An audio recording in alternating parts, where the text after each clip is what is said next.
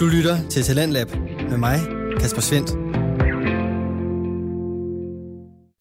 Mange gange velkommen ind til denne anden time af aftenens program, som er en lidt speciel udgave af Talents Lab her på Radio 4. Vi har nemlig vores første tema fredag, og den står på Bro Podcast, eller på godt dansk Kammerat Podcast. Det er her, du finder underholdende samtaler imellem to-tre mandlige værter, som svinger i alvor og konkrethed. I første time, der fik vi således fra den lette stemning og højt humør hen imod de mere dybe tanker og samfundsrelaterede snakke. I denne time, der skal du præsenteres for en række klip fra Danske Fritidspodcast, hvor et par værter bringer mere end bare samtale. Det kan være nørderi i stor stil eller håndgribeligt information. Med andre ord, samtale podcast, hvor vores værter har forberedt sig lidt ekstra. Vi begynder i den ende, hvor der stadig er en forholdsvis umiddelbarhed til stede, og det er i den politiske podcast Halløj i Blå Blok. Her der er det Nikolaj Thomsen og Muges Aruna Kirner Tan, som taler omkring det danske politiske landskab ud fra en liberal og konservativ vinkel. De har i hvert afsnit forberedt et par emner at tale om, og man går altid fra deres episoder med noget at tænke over. Her der får du et eksempel på, hvordan det kan lyde, og måske så får du altså også sat gang i et par tanker.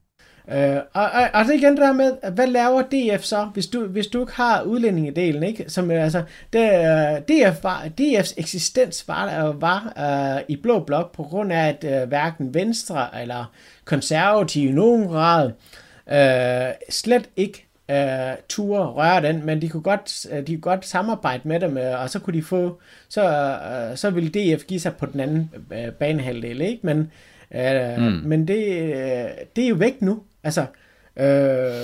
Ja, altså på den måde har de vel, har de jo sådan bidraget til, til Blå Bloks politik, ikke? At de har ligesom været i regering sammen med, eller de har været støtteparti til, ja da. til Venstre i lang tid, og så har de ligesom, og så har de ligesom gjort en, en blå politik mulig. Ja, men, men er, er, det, er det sammen? Uden, uden, selv, uden selv rigtig at have sådan en meget skarp blå politik. Fordi de er, er meget, altså, det er jo meget det her med, at at Dansk Folkeparti har været det her øh, single issue parti, hvor det ligesom har været en stram udlændingepolitik, der har været deres, ja. der har været deres store sag og deres store emne. Som jeg synes sådan selv, i sig selv er lidt interessant, fordi de sådan, for mig virker det til at være det første parti, der egentlig har fået succes med mere eller mindre bare at have et emne, mm. der sådan er super vigtigt for dem. Ja.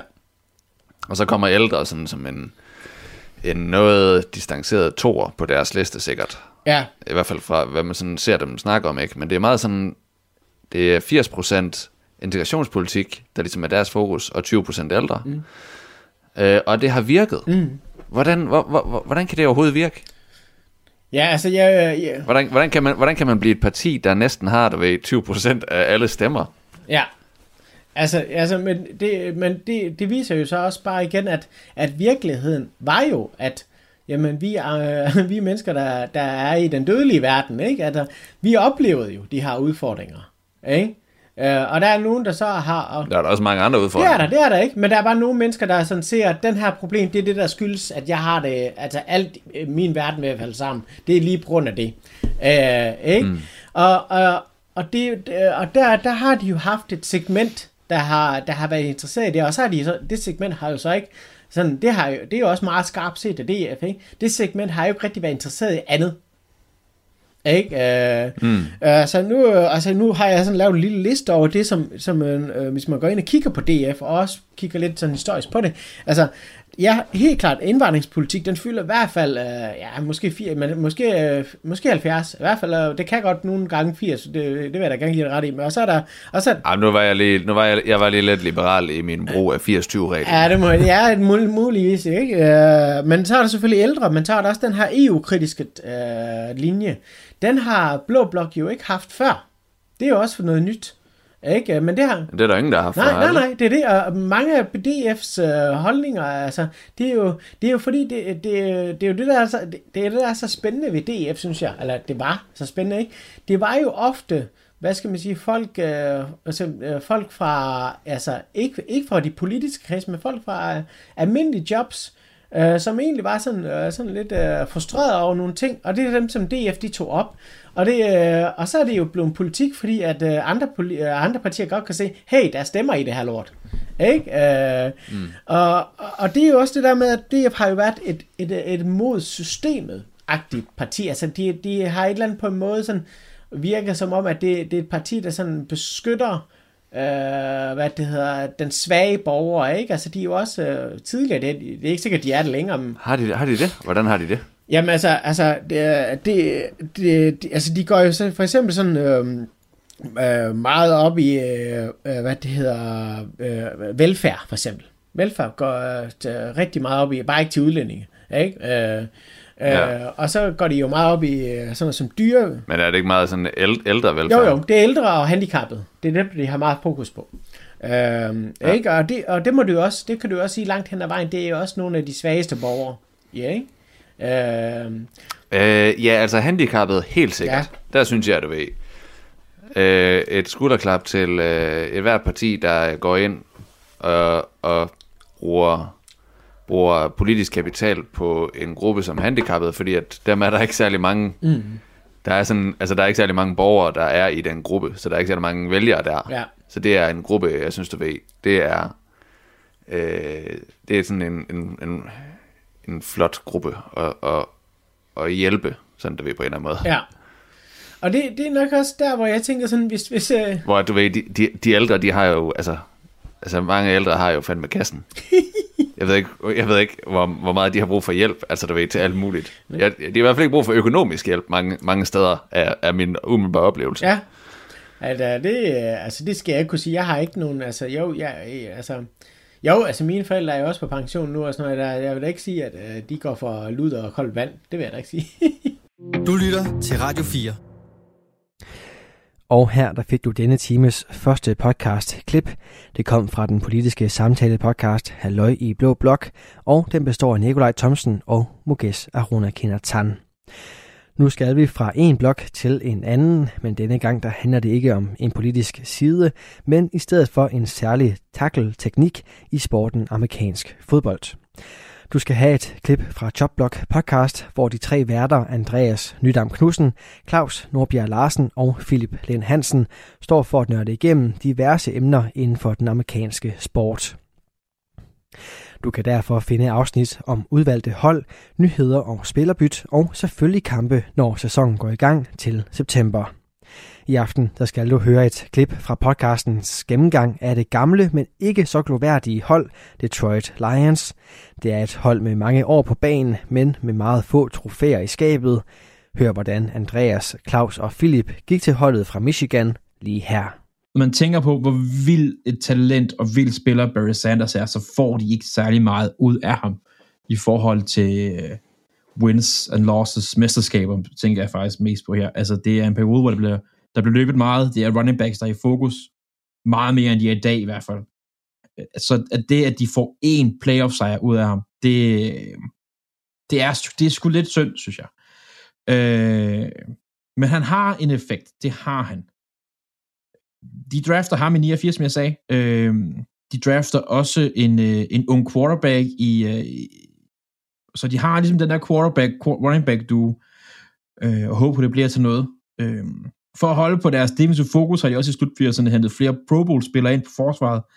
Det hjælper ikke det helt store, øh, da de slutter nummer 3 i divisionen i 91 og starter øh, 91, i 90 og starter 91 sæsonen ud med at få et æg på 45-0. Men det er ligesom efter den her afklapsning, så tager I ligesom sammen og slutter sæsonen i 91 øh, 12-4, som er nok til en divisionstitel over blandt andet Packers. De, øh, det er den første, de har i 8 år, det er også denne sæson, som du også nævner, Claus, at de vinder deres første playoff-sejr siden 1957, øh, da de tæver Dallas 38-6. Men de taber sig til Redskins ugen efter. Øh, slutningen på 91 sæsonen markerede stærkt på grund af en skade til en, der hedder Mike Utley, en guard, som bliver lam. Øh, Lions bruger det til at samle sig, og slutte sæsonen af godt af, inden ligesom som sagt med Redskins. Øh, det er ikke sikkert, at Mike Utley er et navn, som mange kender, men Utley, han, han bliver båret banen, der holder han sådan to tommelfingre op, for ligesom at markere, at han er okay, som ligesom blev et symbol for Lions dengang, men som også er blevet brugt af flere spillere siden. Øh, jeg ved ikke, det er og de der startede det, men jeg ved i hvert fald, dengang der havde det en stor effekt. Øh, så den der tommelfinger op efter skader, det, øh, det er noget, der i hvert fald kunne komme herfra. Jeg har ikke lige undersøgt den del, må jeg indrømme. Øh, Lions kan ikke holde på deres succes, og allerede året efter, så går de 5 og 11, efter at have vundet deres første øh, playoff-kamp, og er sidst i divisionen, efter blandt andet Packers. Det er, øh, det er snart et typisk mønster, som jeg også nævnte for Lions. Altså, de kan ikke holde succesen. De er gode et år, og så falder de sammen. Øh, der går nogle år her, hvor de ryger lidt i slutspillet. De ryger altså ud igen i første runde. Og i 96 er det nok, og Wayne Fontes blev fyret som head coach, og Bobby Ross bliver ansat. De sidste år i 90'erne, det ligner starten. Det går op og ned øh, sæson efter sæson, og til sidst, så siger, som du siger, Claus også, Barry Sanders, han siger altså også stop. Øh, og det, øh, der er mange, der har diskuteret om, hvordan der var ledet hvorfor, men, men den her op og ned mod i Lions, det kunne måske godt være en begrundelse. Ja, ja, Barry han var meget uenig i, hvordan de ledede holdet, og hvordan de skilte sig af med dyre, gode spillere, for at holde lønudgifterne nede. Ja. Øhm, og der er, der er mange eksempler, han ikke var enig i også. Og det sidste, der siger han, jeg har ikke lyst mere, udsender en pressemeddelelse. Og han, og han udtaler sig først om, rigtigt han stopper 20 år efter på den måde. Mm. Men uh, der må vel være, der er Barry, Philip, hvem er der andre gode spillere i 90'erne? Ja, vi har, vi har nemt uh, snakket det, vi skal om, om Barry. En anden rigtig dygtig spiller, og nu skal vi igen snakke noget, noget forsvar for, øhm, for Lions, det er Chris Spielman. Øhm, et navn, der måske klinger øh, ved lytterne derude. Han er valgt i, øh, i anden runde i, øh, i 1988, og han spiller i Lions fra 88 til, øh, til 95. Og han er et all-time Lions tackling leader med øh, 1002 øh, tackles og 10 sacks. Han havde flest taklinger på Lions-holdet øh, syv sæsoner i, øh, i træk. Øhm, han spiller selvfølgelig linebacker, hvis man skulle være tvivl om, hvem fanden takler så meget. øhm, han er deres øh, defensive MVP i øh, 93 øh, til, øh, til 94, og så har han øh, i 96 så har han en øh, personlig holdrekord med 206 taklinger. Det er altså det jævnt Øhm, fuld, altså en, en virkelig en spiller, der, øh, der var rigtig, rigtig dygtig. Øhm, rigtig god til at takle, sjovt nok. Øhm, det der er med ham, i, han stopper i 95 med, med fodbold for at hjælpe. Nej, og altså han stopper i 95 i Lions, og i 98 stopper han øh, fodbold, hvor han øh, retire, for at hjælpe hans, øh, hans kraftramte kone. Um, Men der bliver jeg lige nødt til at rette dig en lille smule. Han, Ja. han, han retire ikke i 98. Han tager et, et år ud af sin han tager fodboldkarriere hi- hiatus. øh, for at hjælpe sin kone. Der spiller han for Buffalo Bills, og kommer tilbage fra Browns og Bills, men får en næveskade i ryggen, der gør, at han flere gange ligger på jorden og, og har spasmer. Ja, altså han, han, han spiller aldrig for Browns. Han er kun med i offseason for Browns i 99. Du lytter til Talentlab med mig, Kasper Svendt. Og du er skruet ind på programmet her på Radio 4, hvor vi præsenterer dig for Danske Fritidspodcast, der deler nye stemmer, fortællinger og holdninger.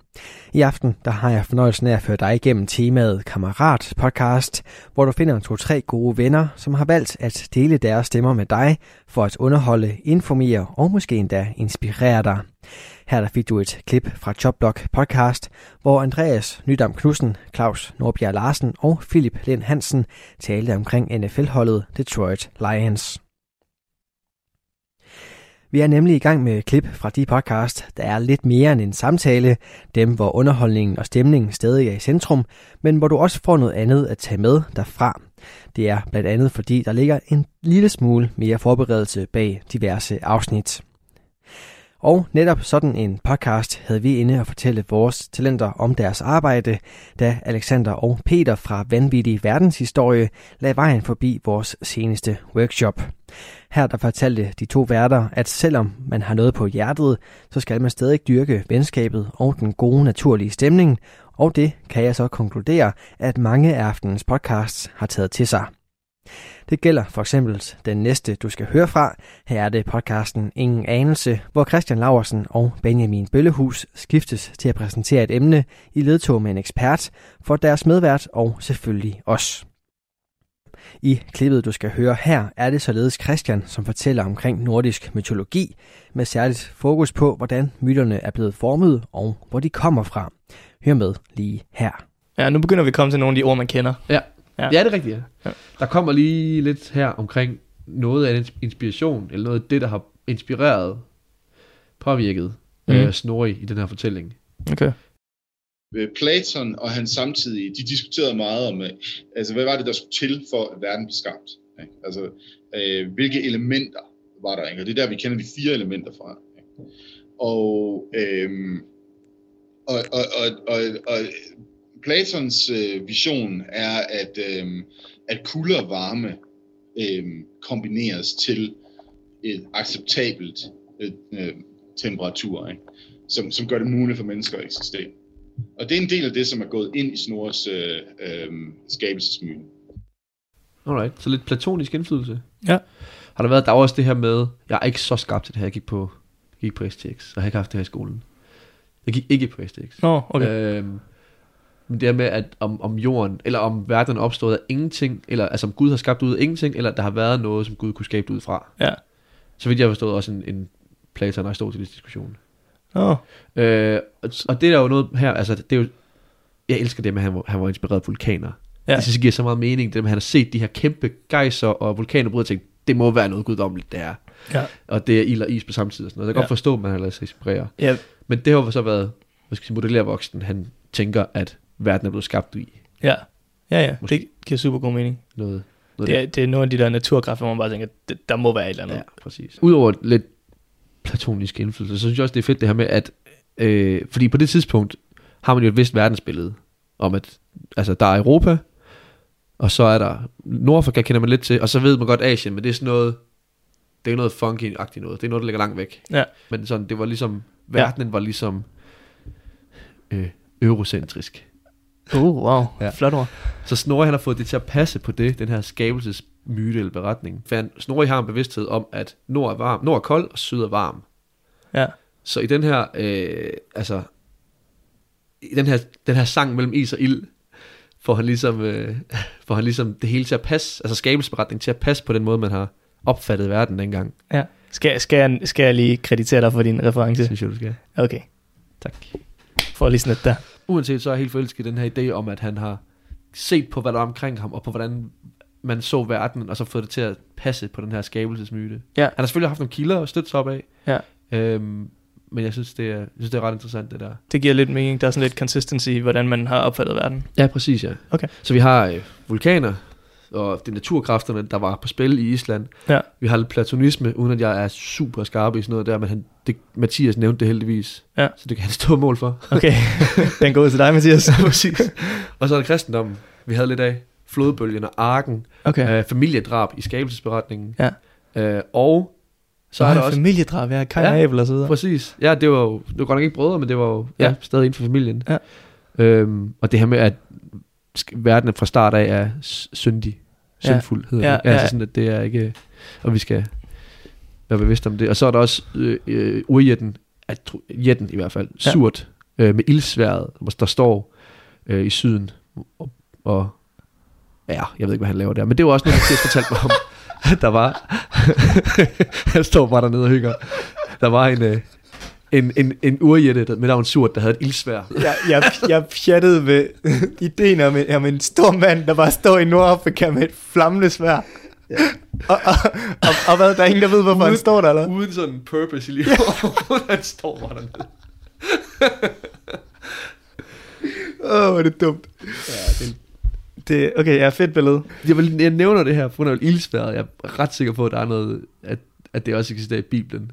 Pointen er, at kristendom har, en, har et tilstedevær i den her skabelsesberetning. Ja. Hvilket også er spændende. Ja, helt sikkert. Alright, alright, alright. Det var, det var skabelsen og indflydelserne. Men Christian, Ja. sorry, bare Ja. lige det med kristendommen har, har indflydelse på det. Er det fordi, at i, på, på den tid, var det ikke 1250-ish, synes jeg, du sagde tidligere, at, 12-20. at, at det her, at kristendommen er ved at tage fat i Skandinavien. Altså, vikingerne er ved at dø ud, og, og vi er i gang med at blive kristent folk. Jeg, vi gæt, jeg tror, vi er kristne der. Det må vi næsten være, for den kom i 900-tallet. Ja, og så er det derfor, man er i gang med at skabe, eller sådan, øh, hvad var det det? skal passe ind også. Ja, det skal passe ind. Eller jeg tror ikke, jeg, jeg, jeg, tror måske, det, og man ved det jo ikke, det handler om hensigt jo med, at jeg tror også meget, at det er ubevidst. Det sagde Mathias også på et tidspunkt, jeg har det ikke med her. Altså vi ved ikke, hvor meget Snorri har tænkt over tingene, om det har været en ubevidst indflydelse, som det har noget, hvor han tænker, sådan, det skal lige passe på kristendom også, for eksempel. Ja. Benjamin. Ja. Vanerne. Kender du noget til dem? Nej, det siger mig ikke noget. Vanerne er, Mathias skal nok få lov til at forklare det, men vanerne, det er nemlig overnaturlige væsener. Mm. Gudeagtige typer, der er næsten lige så magtfulde som aser, aserne. Okay. Det er lidt deres modstykke, uden at de er onde. De er bare en anden gruppe af guder. Og lige om lidt, der fortæller Mathias om konflikten mellem aserne og vanerne. Den her store mytiske krig mellem de to grupper, der, overras- der indebærer en, en ret fed detalje, overraskende detalje for mig i hvert fald. Noget jeg ikke altså, havde regnet med at skulle høre. Okay, så må vi se, om jeg er også overrasket over det. Præcis, det kan også være. Du ved jo lidt mere end mig Fedt. Øh, generelt. Radio 4 taler med Danmark. Og her der fik du et eksempel på en bro-podcast med mere end bare en samtale. Vi dykker ned i temaet Kammerat-podcast her til aften, og du fik her de to venner, Christian Laversen og Benjamin Bøllehus, der udgør podcasten Ingen Anelse. Mit navn er Kasper Svendt, og du kan finde flere afsnit fra alle de fritidspodcast, jeg præsenterer i aften inde på din foretrukne podcast tjeneste. Det kan du derfor også gøre med det næste eksempel, jeg har klar til dig. Vi bevæger os for en stund lidt mere ind i nyhedssatirens verden. Derfra der har vi nemlig i programmets løb nemlig haft glæden af at præsentere to styks podcast fra, og de dyrker nyheder som deres centrale motor, dog med et lag af fiktion infiltreret. Først der skal du høre et klip fra en alternativ nyhed, hvor Nikolaj Lydiksen og Alex Ryge gætter historien bag en overskrift. På den måde så får de udstillet deres egen komiske evner, samtidig med at der bliver sendt en drillende tanke til de medier, som ikke altid er så præcise i deres rubrikker. Her kan du høre et eksempel på det. Og øh, der står, mød tre nye danskere. De har alle ventet på det i flere år. Hvad tænker du? Jeg tænkte jo umiddelbart til at starte med, at vi har tre nyfødte babyer. Øh, men jeg ved ikke, hvor lang tid babyerne de... Oh, det kan være, at der har været noget, nogle fødselsproblemer, så de her babyer er ikke blevet født før... Altså, du ved, de har været inde i maven i tre år.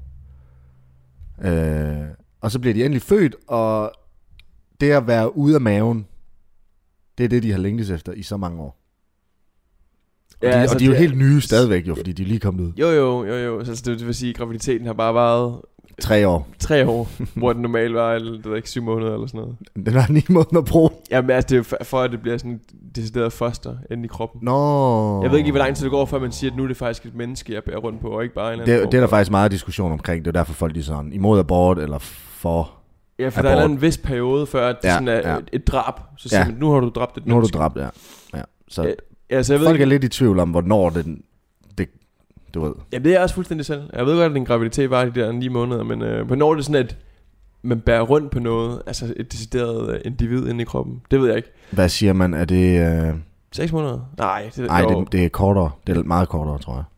Altså fra man, er, fra man bliver gravid, befrugtet til, at man... At du ikke må få en abort længere. Hvor lang tid går det der? Du ved det? Mm. Hvor lang tid er... Velkommen til graviditetspodcasten øh, med lyt. Det er også fuldstændig ligegyldigt. Du tror, at du tænker simpelthen, at der, der, der er nogle børn her, der er meget exceptionelle, har været inde i kroppen i år. Jamen det kan for eksempel være, at øh, du ved, de, er, de er klar til at komme ud efter ni måneder, men øh, moren har måske travlt. Altså, jeg har ikke tid lige nu. Eller på, at øh, sygehusene de har været overbemandet, der har ikke været tid til at tage imod graviditeten, så du ved, moren har været sådan, jeg har ikke tid. Slap lige af. I må, noget, I må lige vente til, jeg lige får tid. Og så er der jo gået, så har hun måske glemt det, eller sådan et eller andet. Du ved, og så, øh, så er der lige pludselig gået tre år. Tiden går hurtigt. Ja, tiden går sindssygt hurtigt. Ja.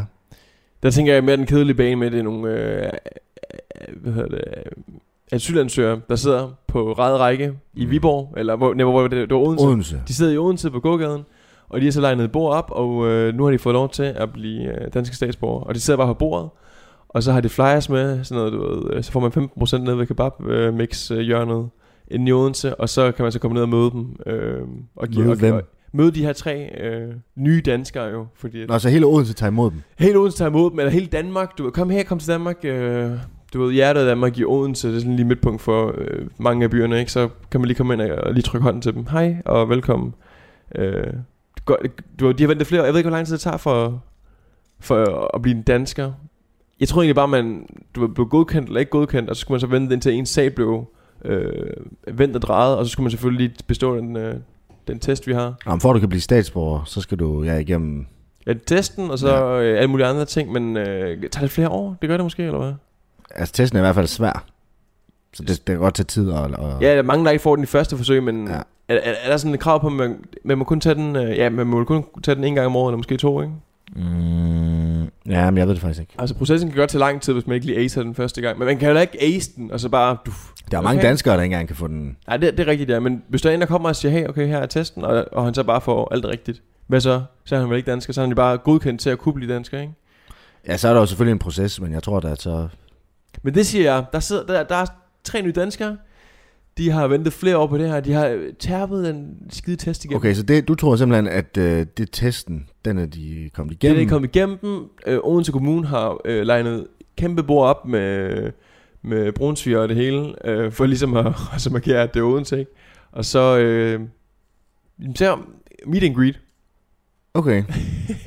Jamen, øh, wow, kan jeg vide, hvem der har ret? ja. Prøv at køre den igennem. Okay, så øh, skal vi se, der står Daniel Borsi fra Ungarn, Daud Sang Chun Tai fra Myanmar og Rizwan Bashir fra Pakistan blev mandag nye danske statsborgere på Rådhuset i Odense. Jeg håber ikke, jeg har dræbt nogen af jeres navn. De lytter med. De, er altså, de kan jo snakke dansk om bare sådan, at de... Øh... Øh, nå, det var det.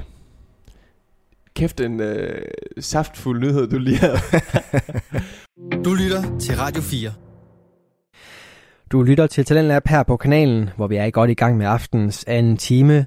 Du er skruet ind på vores første af sommerens tema fredag, og i aften der står den på Bro Podcast, eller Kammerat Podcast på godt dansk. Det er den type, hvor to-tre venner sætter sig sammen og underholder dig med mere eller mindre alvorlige samtaler. Du fik før et klip fra Nikolaj Lydiksen og Alex Ryge, der har podcasten en alternativ nyhed. Og vi skal videre ind i satirens verden, men denne gang der springer vi helt ind, hvor fantasien får frit spil. Det næste, du skal høre, er nemlig et klip fra Julius Krause og Magnus Adamsen, der tilsammen udgør bizarre nyheder. Her der laver de sketches ud fra magværdige nyhedshistorier, og de lyder blandt andet sådan her. Hvordan må en idrætsteam med gladiator på skoleskemaet forløber sig? Ja? Ja, det var egentlig det var også det, jeg tænkte. Men du har nok øh, et bedre bud på Jeg, det, end jeg, jeg kunne ikke styre mig her. Jeg må Nej. sige, at øh, jeg, jeg havde simpelthen så mange muligheder. Jeg var nødt til at, jeg var nødt til at øh, tage nogle ud. Så, så jeg, jeg hørte, jeg, jeg havde alt for mange idéer. Men det her, det var lige, hvad jeg kom frem til. Yes. Beklager på forhånd. Vi ses.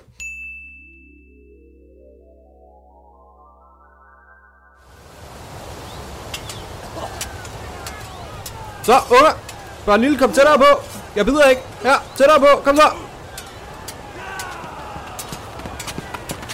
Jeg punkterer maksimalt jeres lunger med et grillsbud. Ah, lad du være, Børnil. Jeg driller bare. I skulle set jeres ansigt. Ej, I lignede næsten på party, da jeg plantede en morgenstjerne i brystkassen på ham i sidste uge. Ah, nej, nej, spøj til side. Vi skal lige føre protokol her engang. Kan I komme lidt, uh, yes? Lad mig se. Dagens første levende billede. Og frøken Antonella er de her. Hallo? Er der nogen, der ved, hvor hun er? Uh, Antonella døde i sidste idrætsteam. Hus, husker du ikke det? Åh, oh, ja, det glemte jeg da helt. Ej, det er ikke så optimalt. Øhm... Åh, oh, hvor kommer jeg fra? Enzo, Enzo, er du her? Stadig i koma. For fanden respektløst over for mig. Hvad, hvad, hvad med Francesca? Er du her? Hun er død. Sygdom uden lovlig fravær. Paco? Også død. Armando? Hun slukkede respirator i morges. Luigi? Stadig skadet. Sta- hvad fejler han? Stadig? Jeg skulle sige fra hans mor og far, at lægerne stadig prøver at trække håndøksen ud af hans rygsøjle. Det lyder ikke så godt. Nå. Øh, men det har desværre ikke fået en sted på.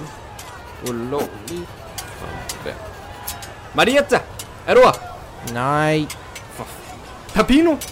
Hun levede livet for tre uger siden. Ledelsen for satan! De får simpelthen ikke opdateret de her klasselister. Det er ved at være for dårligt. Nå. Næste er... Alonso? Jeg har desværre glemt øh, skiftetøj. Ej, det ved du godt, Alonso. Det er simpelthen ikke godt nok. Hvor mange gange skal jeg sige det? Det er hver eneste gang. Man skulle næsten tro, du gjorde det bevidst. Altså, hvor mange gange skal vi tage den her, var? Det ved jeg ikke. Nej, det ved jeg da godt nok heller ikke. Altså, du må gå ned og låne noget i glemmekassen igen. Det gider jeg ikke. Jamen, jeg tror, det er fint nok. Jeg, jeg kan ikke passe det alligevel. Du, du må gerne give mig fravær. Det er fint, jeg sidder bare, jeg sidder bare over i dag. Ikke tale om, unge mand. Gå så ned. Jeg er sikker på, at der er en ringbrunje og en dolk, du kan låne.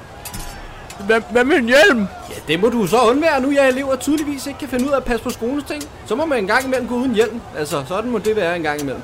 Jamen, mister, jeg kan jo dø, hvis Så vil jeg... jeg nok være skarp med skjoldet i dag, Alonso, ikke? Jamen, jamen mis, mis, okay, bare giv mig fravær, altså, jeg, jeg... Godt at se, du dog har praktisk fodtøj på. Adidas Special er en god og alsidig sko til idræt. Hallo, alle sammen, hør lige efter her engang. Til trods for, at Alonso er en dement kvejpan, så har han skudt et par gode idrætssko på i dag. Jeg ved, I ikke altid har praktisk fodtøj på, og det er altså et must, når man skal dyrke idræt. Så gør ligesom Alonso og gå ned i Sportsmaster og få et par Adidas Special. Altså, de koster ikke mere end en, øh, hvad er det, 300-400 kroner, ikke? Er vi med? Jo, ja, jo, jo. Det var godt. Hvor kommer jeg så bare? Har vi en Gabriella? Hun er syg. Igen! Ja. Lorenzo?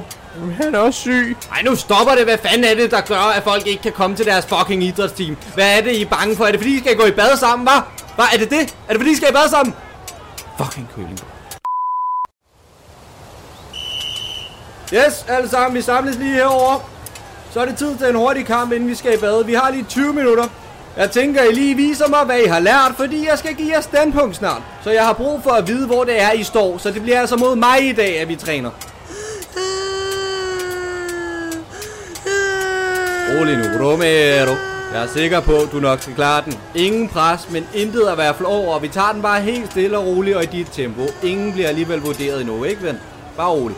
Som I alle kan høre her, så er det jo helt klart, at Romero bliver bange, når han skal vise sig frem. Og som I alle ved her i mine timer, så er der ingen, der fighter. Man lærer kun. Fight er lige med læring. Ikke? Hallo? Nå. Så I skal ikke være bange i hvert fald. Alonso, vil du være første levende billede? Uh, men jeg, jeg tror gerne, jeg vil være en af de sidste. Jeg skal lige, uh, skal lige strække ud først her. Ah, kom nu, Alonso. En ung fyr i din alder burde ikke få problemer med udstræk. Ej, ej, men jeg tror, det er bedst, jeg måske prøver næ- næste gang, så jeg lige nu at, at øve mig lidt, øh, så ja. Alonso, hvad er den gyldne regel i mine timer? Gå altid efter hjertet. Nej! Ingen fejler, vi lærer kun. Ikke også? Uh, jo. Godt. Træd frem, kom så, kom så. Jeg siger det en gang mere. Tid til at overvinde frygten, ikke Alonso? Kom. Så, oh, fokus herop, unger. Fokus herop. Følg godt med. Vis mig, Alonso. Først laver vi... Præcis. Og, og så en parering. Sådan, Marker. Hallo, giv ham lige en hånd alle sammen. Kæft, hvor er det flot, Alonso. Godt gået. Men hvad er regel nummer et, som jeg nævnte tidligere? Nogen bud? Ja, det ringer. Nej, nej. Man fejler ikke, man lærer. Nope. Angrib altid først, inden din modstander angriber.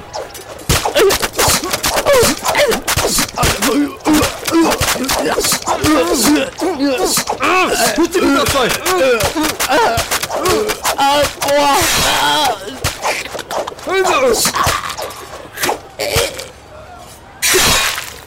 Ja, så... Den er der næste gang, Alonso, ikke? Husk lige idrætstøjet næste gang. Så, næste levende billede. Hey, vent, vi skal ikke løbe endnu, I er ikke fri. Unge mennesker, unge mennesker.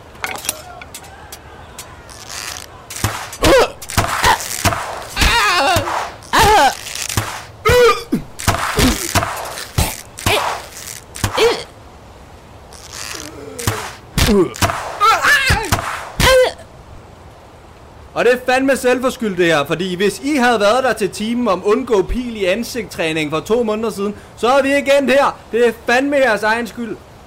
Nå, men husk at komme i bad, og så ses vi i næste uge. Husk lige idrætstøj, og hvis I ikke kan deltage, så skal I have en seddel med hjemmefra. Tak for i dag. Jeg vidste, der var noget, jeg havde glemt. Unger, jeg glemte, jeg kun fortalte den eneste regel til Donatella. Beklager, den er på min regning. Jeg har dumle med på fredag.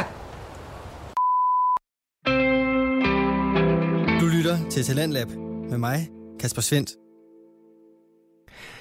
Således fik vi også indskudt noget fiktion i aftenens program. Vi gennemgår Danske Kammerat podcast, og her der var det makkerparet Julius Krause og Magnus Adamsen, som fik lavet en sketch ud fra en virkelig historie.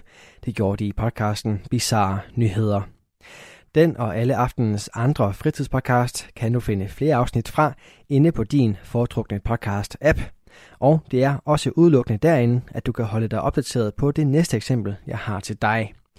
Videnskabeligt udfordret med Mark Lyng og Flemming Nielsen er nemlig rykket videre fra vores forløb, men det skal ikke holde mig fra at anbefale dem til dig. I podcasten der finder du et neddyk ind i forskningens finurlige verden, og hvordan det lyder, kan du høre lige her. En af grundene til, at man ikke havde puttet jod i salt, det var jo fordi, at man var bange for, at det var giftigt. Så det er jo klart, at de første testpersoner, det skulle jo være skolepiger, der ikke var klar over, hvad der skete. Ja. Det er meget 1917, synes jeg. Ja, men det giver mening jo, fordi det er kvinder. Ja, ikke? Synes de. Øh, og så havde man selvfølgelig en kontrol, nogle piger, der ikke havde fået, der havde fået salt, men uden jod. Klar. Mm. Øh, og over et par år, til omkring slutningen af 1. verdenskrig, der sammenlignede man så de her behandlede piger med den her negative kontrol. Og de fandt selvfølgelig, at hyppigheden af struma blandt de her piger, den var nedsat signifikant, når de fik jod. Mm-hmm. Klart. Det er også det, vi ligesom har, har, har, har hvad hedder det, bevæget os op imod. Det er det, vi har tænkt os til, ikke? Så i 1922, der gør de det endelig, Flemming. Nu gør de det. Amerikas forenede stater, de begynder at jodisere salt. Mm, mm. Mm, kan du mærke det, nu sker det, Flemming? Du ved, hvordan salt smager uden jod. Ja, det er et godt spørgsmål. Smager det bare sved? Ah, jeg tvivler. Tror du, jeg der tror er jod, faktisk, tror, der er jod i, i sved også? Eller er det bare salt? Jeg tror bare, det er salt. Salt og urinstof. Uh, nå, okay, fint. Så Der er rimelig meget urinstof. godt. Ja. Så at jodisere salt, det betyder simpelthen bare, at man blander øh, salt, natriumklorid, med et andet salt, som hedder kaliumjodid. Som regel. Og kaliumjodid, det smager ikke rigtig af noget, for vi kan ikke smage kalium, og vi kan ikke smage jodid. Fint, Så der er ikke rigtig noget smag i det. Så det smager bare salt. Nå. Ja. Og det betyder, at man i 1924 kunne købe det første jodiserede salt. Kæmpe markedsføringskampagner blev det startet, for at få de her folk til at starte med at spise salt med jod. Kom så, æd det her salt, det er pisse godt for dig, der er jod i, kom så. Og det gjorde de jo. Det gjorde folk. De købte det her salt. Det var skide godt. De skulle have nogle soldater, der kunne kæmpe en, en krig igen, hvis der skulle komme sådan en. Det vidste de jo ikke, der skulle, men det skulle der. Og øh, så blev folk pisse syge. Ja, Mark, jeg tænkte lige på noget, inden du øh, fortsætter. Ja. Kaldte man det første verdenskrig inden 2. verdenskrig? Ja, det er et godt spørgsmål. Fordi det er sådan ret foreshadowing, ikke? Hvis, hvis de Ja. ikke vidste, der ville komme en krig med, ej, det her første verdenskrig, der kommer nok ikke flere. Jeg, jeg tror, de kaldte den for The Great War. Den store krig. det er sådan uh, Godfather del 1, kan jeg vide, om der kommer Ja. en toer.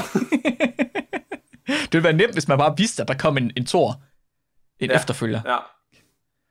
Så folk, de blev pissesyge, da de begyndte at spise jod. Simpelthen. Deres skjoldbrusketter, de var overhovedet ikke vant til at have jod nok. Så de stoppede først med at... Øh, så skjoldbrusketterne, de stoppede simpelthen med at arbejde. Fordi de fik jod lige pludselig. De var ikke klar over, at de skulle have jod for at arbejde. Så nu, da de fik jod, så er de sådan lidt... Nå, men så behøver jeg ikke lave mere hormon. Der er masser af jod nu. Så de holdt op med at arbejde, og så blev folk rimelig syge, fordi de ikke havde noget hormon længere. Igen. Øh, og da de så... Da skjoldbrusketterne, de så endelig fandt ud af, at, at nu skulle de til at producere hormon igen, så gik de græsat. Nu, skulle de, uh, nu, nu har de fået snørebånd på Nike-fabrikken, så skal de have fyret alle børnearbejderne. Præcis. Lige præcis, Flemming. Ja. 100%.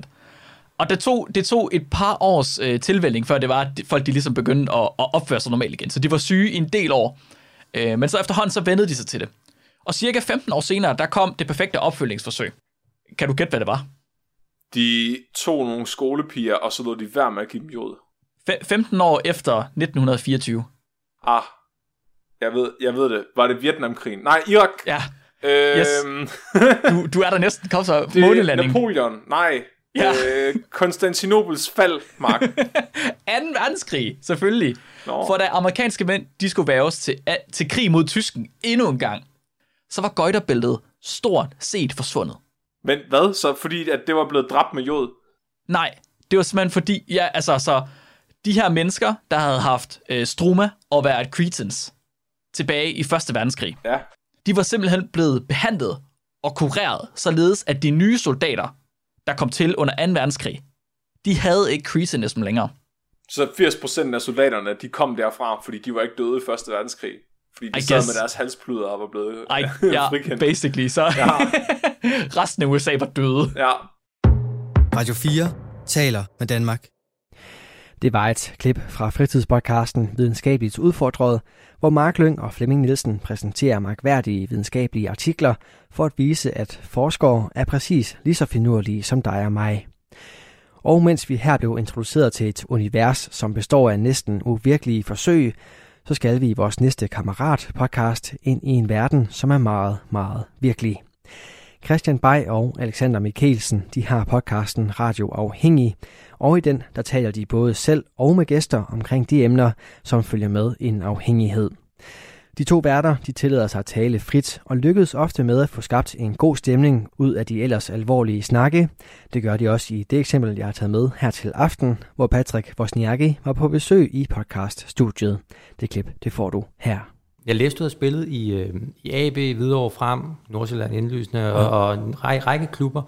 Hvor mange anslår du sådan gennemsnitligt, også sundt nok, hvor mange har spillet? Snakker vi nærmest alle, eller ja. snakker vi? Ja, næsten alle. Okay. Der, der, har været, der har været nogle enkelte få, som, som ikke har spillet. Og, hvis, og så har de måske alligevel spillet en kupon, som jeg, som jeg gør nu her, til 100 eller 200 kroner. Ja, ja, fordi de ja. synes, det er hyggeligt, at der er VM eller Champions League, Ja, ja, ja. ja. du ved, et eller andet, ikke? Øhm, men, men der er rigtig mange, der spiller. Jeg husker selv øh, i min tid i Nordsjælland, hvor at, at, at der var der ikke de her regler for, om man må spille på sit eget hold. Men, men der har der folk, der spillede på, at, at der var bonus for point. Det vil sige, hvis man spillede udgjort, så fik man øh, penge. Hvis du vandt, så fik du penge. Men hvis man tabte, så fik du ikke nogen penge. Så er der, der nogen, der var inde og spille på, at man, man tabte bare, fordi så var du sikret på at, at få en bonus, ligegyldigt hvordan kampen endte. sjovt.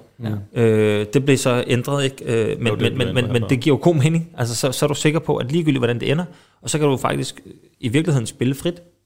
du har ikke noget at tabe, fordi du ved, at under alle omstændigheder, så vinder du et eller andet. Altså, så er der en ekstra bonus på, på, på kampen, mm. øh, om du vinder, taber eller, eller spiller uafgjort.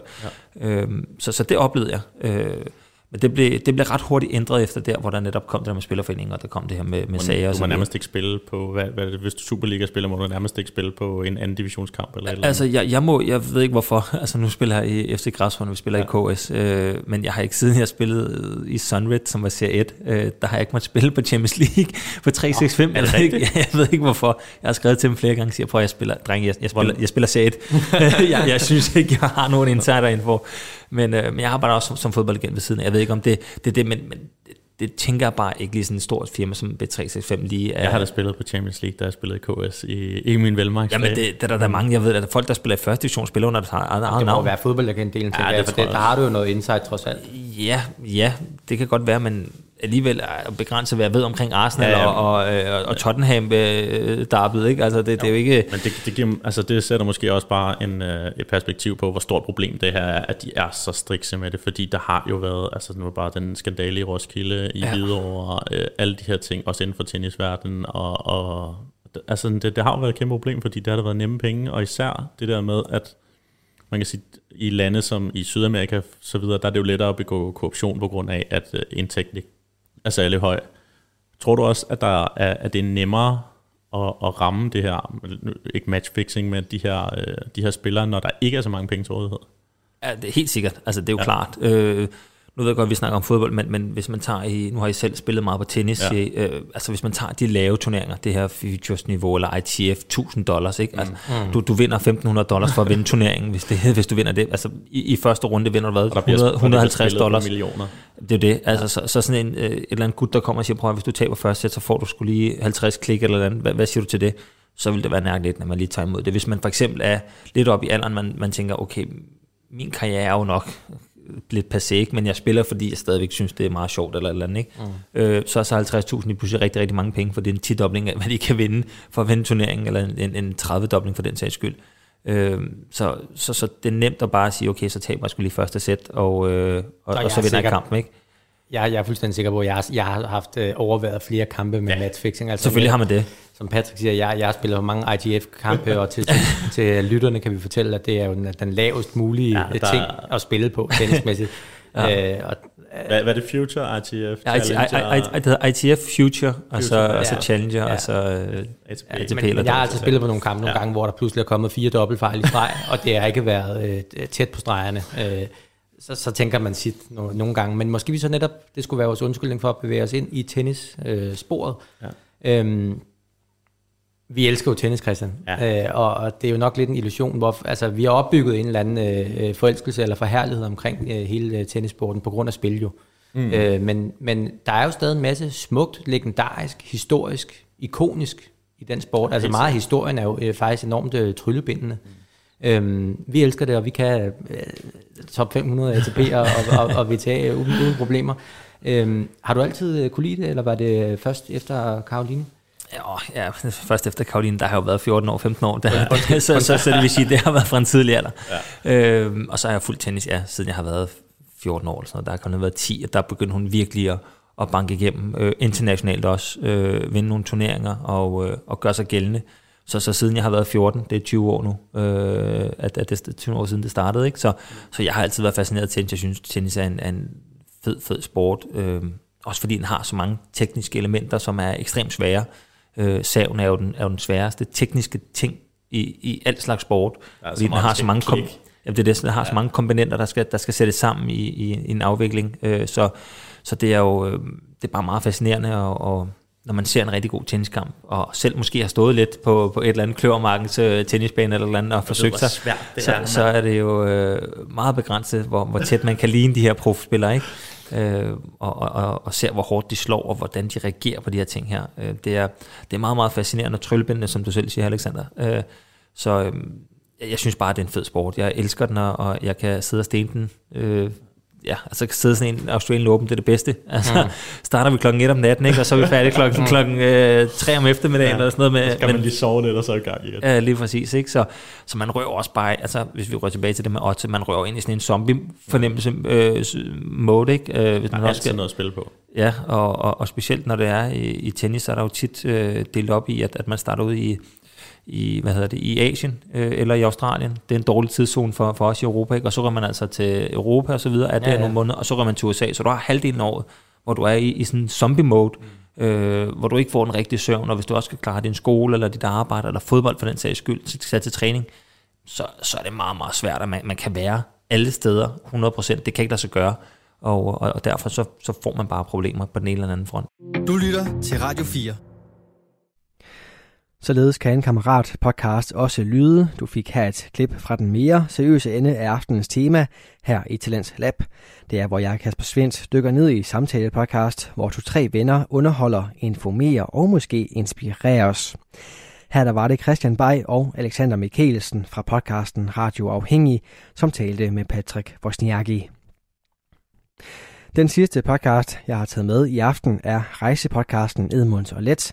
Den går lidt væk fra den alvorlige ende, men holder stadig stor fokus på nogle vigtige emner. Og helt i tråd med den udvikling, du har kunnet høre i aftenens anden time, så er vi nu endt i den podcast, som har forberedt sig i længst tid, inden de trykkede optag. De to værter, Tobias Let og Axel Edmunds, bygger nemlig deres podcast op omkring deres sabbatårsrejse til de østlige lande tilbage i 2018. Den satte gang i en stor fascination for den mystik og spænding, der er i at holde øje med lande som Rusland og Kina, og derfor der finder du både afsnit fra podcasten her med underholdende rejseanekdoter samt nyheder fra Østen, der både omhandler politiske skandaler og militærnyt. Klippet, du skal høre her, er fra det afsnit, jeg kan præsentere i sin fulde form på mandag. Det er nemlig det seneste afsnit fra de to unge mænd, og her der skal vi med ind i pandaparadiset Chengdu, hvor de kinesiske pandaer er fra. Lyt med her. Dag nummer Segwayens mester. Yes. Han sidder lige her. Dag nummer to, den stod i uh, Pandaens tegn. Skal vi lige... Vi stod øh, monster tidligt op, fordi vi skulle være på pletten i det sekund, de åbnede. Så det sørger vi selvfølgelig for. Jeg skal lige prøve at se, om jeg kan finde et tidspunkt. Ja, 8.30. 8.30. Kan jeg se. Det er solidt. Ja. Øh, og øh, når man kommer ud til... Man tager en bus. Det ligger lidt ude fra centrum nemlig. Og jeg tror, den der bus tog en halv times tid. Sådan som jeg husker det. Så det vil sige, at vi har været op sådan noget 7.30 for Ja. ja. Det hele værd. Ja, men vi har nemlig fået at vide, at det var vigtigt, at man kom fra morgenstunden af, for der var ikke så mange mennesker, og man kunne godt komme til at bruge lidt lang tid. Og kineserne vil typisk komme mellem 12 og 14, og så vil de gå hjem igen. Ja, men jeg husker det også som om, at øh, der var ikke noget kø, fordi de har bare set, oj, oj, oj, oj, oj, der kommer to med lyst hår. De kommer altså lige hurtigt frem. Ja, lige præcis. Øh, og når man kommer ind, der er lavet sådan en fin og flot indgang, Fint og flot, det er sgu ikke rigtigt. Men, men der er lavet noget med noget panda engang. Altså, det ligner lidt en kolonihave, der er løbet løbsk. Ja, det gør det sgu faktisk. Øhm, men sådan hele stisystemet, gangsystemet, når man går ind i det her pandaland, det er sådan bambus, der sådan vælter ind over Ja. ja. Så det nærmest laver en tunnel. Ja, det er sådan en, bambus. en form for port, man ligesom øh, går igennem af bambus. Og det øh, er awesome. Altså, Altså, det er jo, det, altså, bambus er jo også bare en fascinerende plante, øh, rent botanisk set. Ja. Altså. hvorfor? Kom, øh, kan du uddybe den lidt? Jamen, øh, jeg, har, jeg har sgu en ret fun fact omkring bambus, der er meget, meget, meget vulgær. Okay. Jeg ved ikke, om jeg lige skal... Jo, nu tager vi den sgu. Nu har du teaset for den, så Ja. bliver du nødt til det. Øhm, der var en, øh, en torturmetode tilbage i det gamle Kina, der hed bambustortur. Jeg ved ikke, om du har hørt om det? Det har jeg. Det har du? Ja. Skal jeg lige forklare? Ja, Ja, vi tager ja, det lige. det synes du du bliver fixeret på dine ankler. Så bliver du spændt ud med armene i sådan lidt noget, der ligner et kors. Så du, du kommer ind til at stå i sådan en god gammeldags st- ståtroldsformation. Så, øh, altså du bliver jo selvfølgelig holdt i live med lidt vand og brød. Og så øh, planter man lige sådan et bambusskud lige nede mellem dine ben. Så det her skud her, det vokser jo afsindigt hurtigt i løbet af en dag. 10 cm om dagen. Ja. eller Sådan noget. Så i løbet af måske en 5-6 dage, så er bambusskuddet lige nået op til rektum. I er begyndt at kilde lidt. Og så på et tidspunkt, sådan en bambusskud der, det stopper jo ikke med at vokse, bare lige fordi vi er tæt på en mås nu. Altså det fortsætter bare. Og så til sidst, så vokser skuddet hele vejen op ind i din analis canalis, og så hele vejen op igennem mausen. Måske i virkeligheden kan det også nå at vokse ud på den anden side. Forfærdelig måde at dø. Ja, jeg ved ikke lige, hvorfor jeg kastede den i puljen lige pt. Og for noget så vederstykkeligt skal vi videre til noget så super Så sødt og lækkert. super sødt. Fordi, nøj, pandaerne de er søde. Skønt. Skønt ting. Altså, En panda. Der var sådan et, øh, en, lille område, indhegning noget, hvor der boede fem små pandaer. I en lille pandafamilie. Fem søde små pandaer. Jeg, jeg tror, vi har stået og kigget på dem i en time, uden at bevæge Ja, altså, vi skal jo tænke på, hvor mange pandaer var det, du sagde, der var? 261. Præcis. Altså, vi har nok brugt en time på at kigge på hver evig eneste panda. Ah. Det føles i hvert fald sådan. Hold nu op. Vi har i hvert fald brugt lang tid. Men jeg, jeg kan vide, om det der 261 også er med dem, de har lejet ud. Det må det jo næsten Ja, være. det tror jeg. Nej, der tror jeg faktisk, nu når vi kommer til quiz, jeg har et mere retvisende tal, så kommer jeg lige i tanke om. Okay, spændende. Ja. Øhm, jeg vil også bare lige øh, pointere noget, jeg, jeg stussede meget over, da vi var afsted. Det var, at øh, man kunne jo få taget et billede med en panda. Ja. Det kunne man. En lille, lille panda unge. Hvis du smed 3.000 kroner, så havde du one shot, one opportunity. Og man står jo lidt Jeg der. overvejede det. Ja. Kraftigt. Men jeg er fandme glad for, at vi ikke gjorde det. Men jeg overvejede det kraftigt. Igen, det er sgu synd for sådan en panda der. De skal jo bare være i fred. Og leve i fordragelighed. Altså jeg... Og så, det er så dobbeltmoralsk, og så, fordi vi var, alligevel, vi var alligevel ude at ride på elefanter i Indien, kan man sige. Og ja. Ja, det er også en anden historie, vi kommer til på et tidspunkt. Men altså, jeg kan jo bare sige, Lars Løkke, han har dame fået taget et dejligt bedre billede med en panda, inden de blev fragtet til Danmark. Og hvis vi lige skal prøve sådan at beskrive, hvordan det, er, der hvor de der søde små pandaer, de bor, de har jo fået bygget en form for legeplads i nogle træer og noget bambus og lidt forskelligt, Ja. som de sådan går og hygger sig i. Men de laver jo faktisk ikke så mange sådan nogle små kyssebjørn der. Nej. De ligger primært på ryggen og tykker på bambus.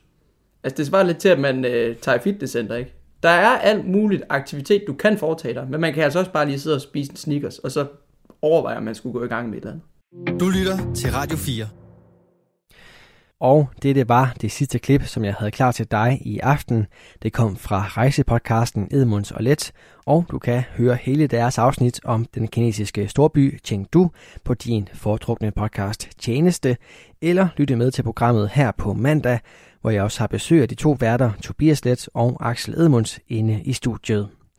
Indtil da, så skal du have en god weekend. Husk, at vi også præsenterer afsnit fra Danske Fritidspodcast i weekenden. Her der er det først Satie Espersen, som er vært på lørdagens program, og så er det Jejs Nørgaards sidste værtschance på søndag, og jeg ved, han har en ting eller to oppe i ærmet, så du kan roligt tune ind der. Mit navn er Kasper Svens, og jeg har haft glæden af at føre dig igennem aftenens program, som var den første tema fredag. Vi kører hele sommeren med neddyk i bestemte emner, og næste fredag der står den således på vigtige kvinder, når hunkønnet får lov at brillere. I aften der var fokuset på De Kammerat podcast, som består af to-tre mandlige værter. Og hvis du ikke fik det hele med, så kan du finde hele udsendelsen her på radio4.dk eller i din Radio 4 app. Nu er det blevet tid til en omgang nattevagten her på kanalen, så god fornøjelse og på genlyt.